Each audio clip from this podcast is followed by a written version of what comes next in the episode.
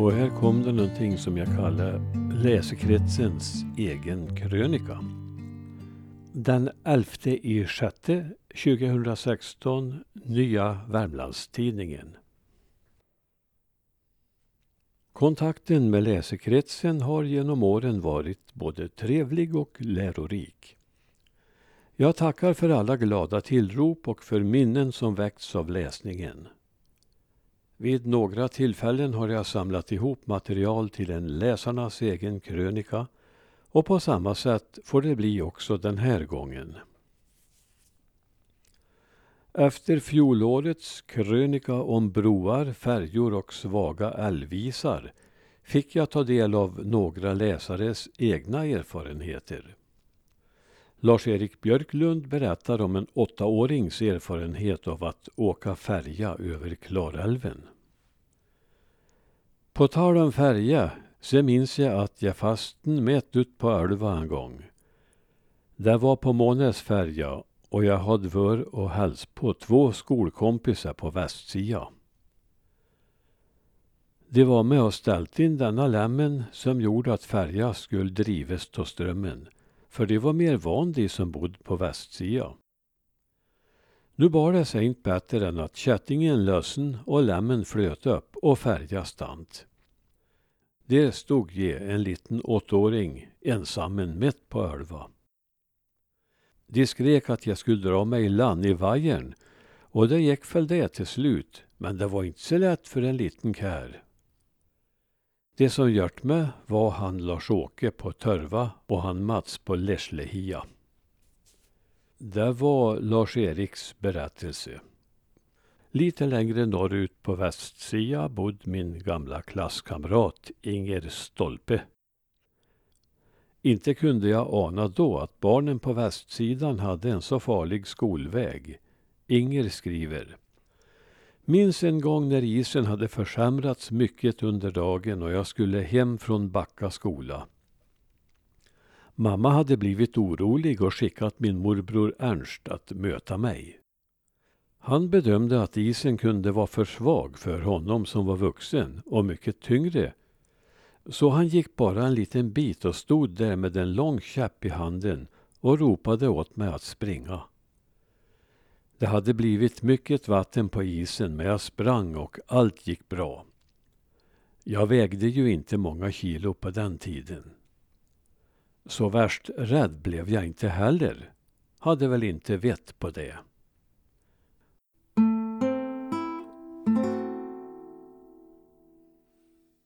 Sven Seder i Sunne berättar om en vägkarta från 1871 där en planerad järnväg från Höljes till Halsjön vid norska gränsen finns markerad.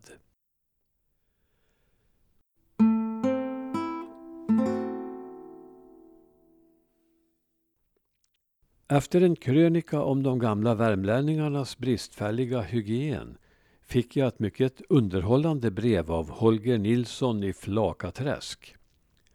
Där bekräftas att värmlänningarna inte var mer lortaktiga än folk i andra delar av landet. Han växte upp i en liten by i södra Lappland där det då fanns 16 bebodda gårdar. Citat. Väl utrustade med utedass, pottor, slaskhinkar som skulle ut och 150 vattenhinkar som skulle bäras in. När tvättade vi oss, undrar Holger och berättar vidare att han duschade första gången då han var 15 år och att modern tog sin första dusch då hon var över de 50. Tvättningen på den tiden gjordes nog oftast med vatten i handfat eller balja. Holger ger också en tyvärr typisk bild av det svenska inlandet och berättar att av de 16 gårdarna i hans hemby, nu 11 står öde år 2015. Han konstaterar också så här.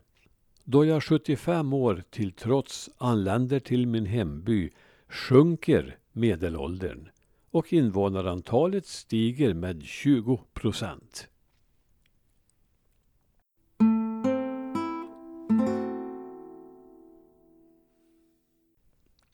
Artikeln om den drastiska avfolkningen av glesbygden väckte stort intresse och blev den dagens mest lästa artikel i NVT.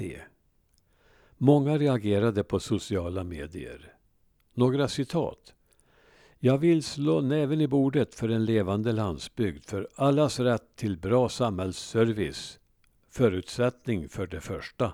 Och för att någon aktiv politiker på allvar ska ta sig an frågan. Förutsättning för det andra.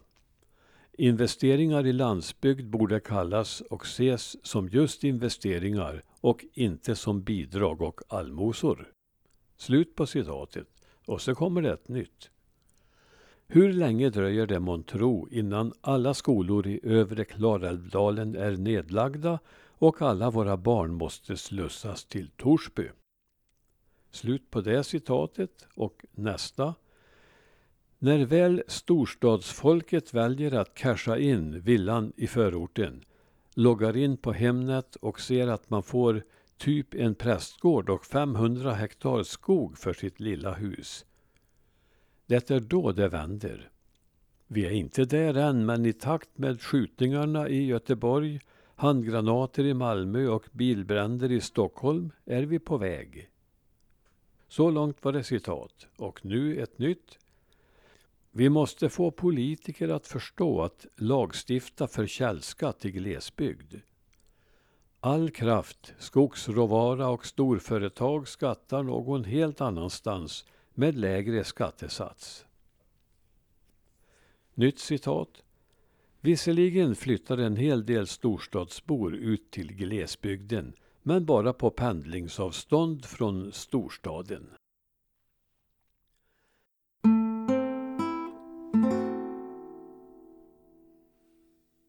En artikel om sätelivet i norra Värmland väckte minnen hos många läsare.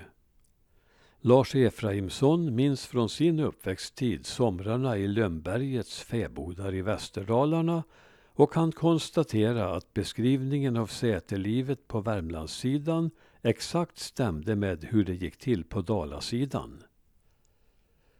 Efter en beskrivning av besväret med att leda en öxen ko till tjuren 15 kilometer bort och sedan tillbaka avslutar han brevet så här.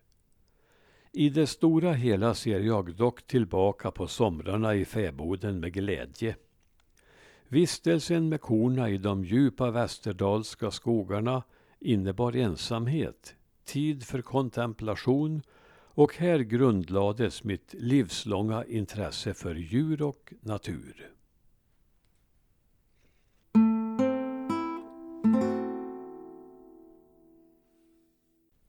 Om jag har trott mig ha någorlunda god kunskap om norra Värmland i litteraturen fick jag två nyttiga påminnelser om att det finns luckor. Efter en artikel om Klarälvens översvämning 1916 fick jag från den verklige kännaren av Värmlandslitteratur, Bengt Åkerblom, en kopierad sida ur en bok av P.A. Edgren, Resan genom livet. Där fanns en beskrivning av översvämningen 1816 och faktiskt var såväl bok som beskriven översvämning nyheter för mig.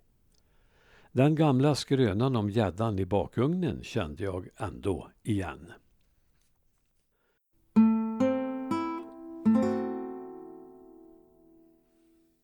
Av Sture Halvarsson i Likenäs blev jag rekommenderad två böcker av Katt-Erik. Här blottades den andra stora luckan. Denne Erik hette Geijer i efternamn och var forstmästare med ett förflutet i norra Värmlands skogar. Bland annat som Uddeholmsbolagets revirförvaltare i norra reviret. Namnet Katt-Erik hade han fått efter sin ovana att ta död på katter. Till denne Erik finns kanske anledning att återkomma.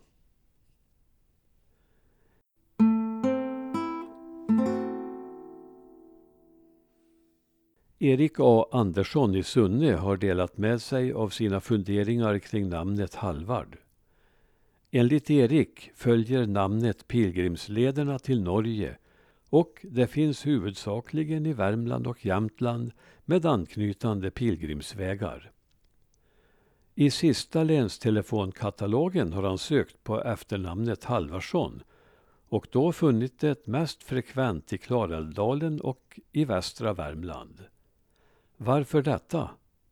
Jo, Sankt Halvard är Oslos skyddshelgon, samtida med Olof den helige och berättelserna om honom skulle ha lämnat spår längs pilgrimslederna. Så ska då namnet Halvar eller Halvard har levt vidare genom seklerna.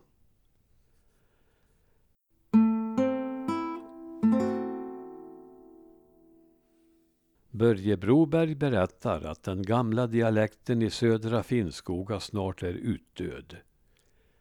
Det blir alltså för befolkningen att ta sig i kragen och ge fritt utlopp åt sin gamla munart. Det är med språk som med muskler. Används de inte så förtvinar de. Flera intressanta bidrag från läsarna emotses.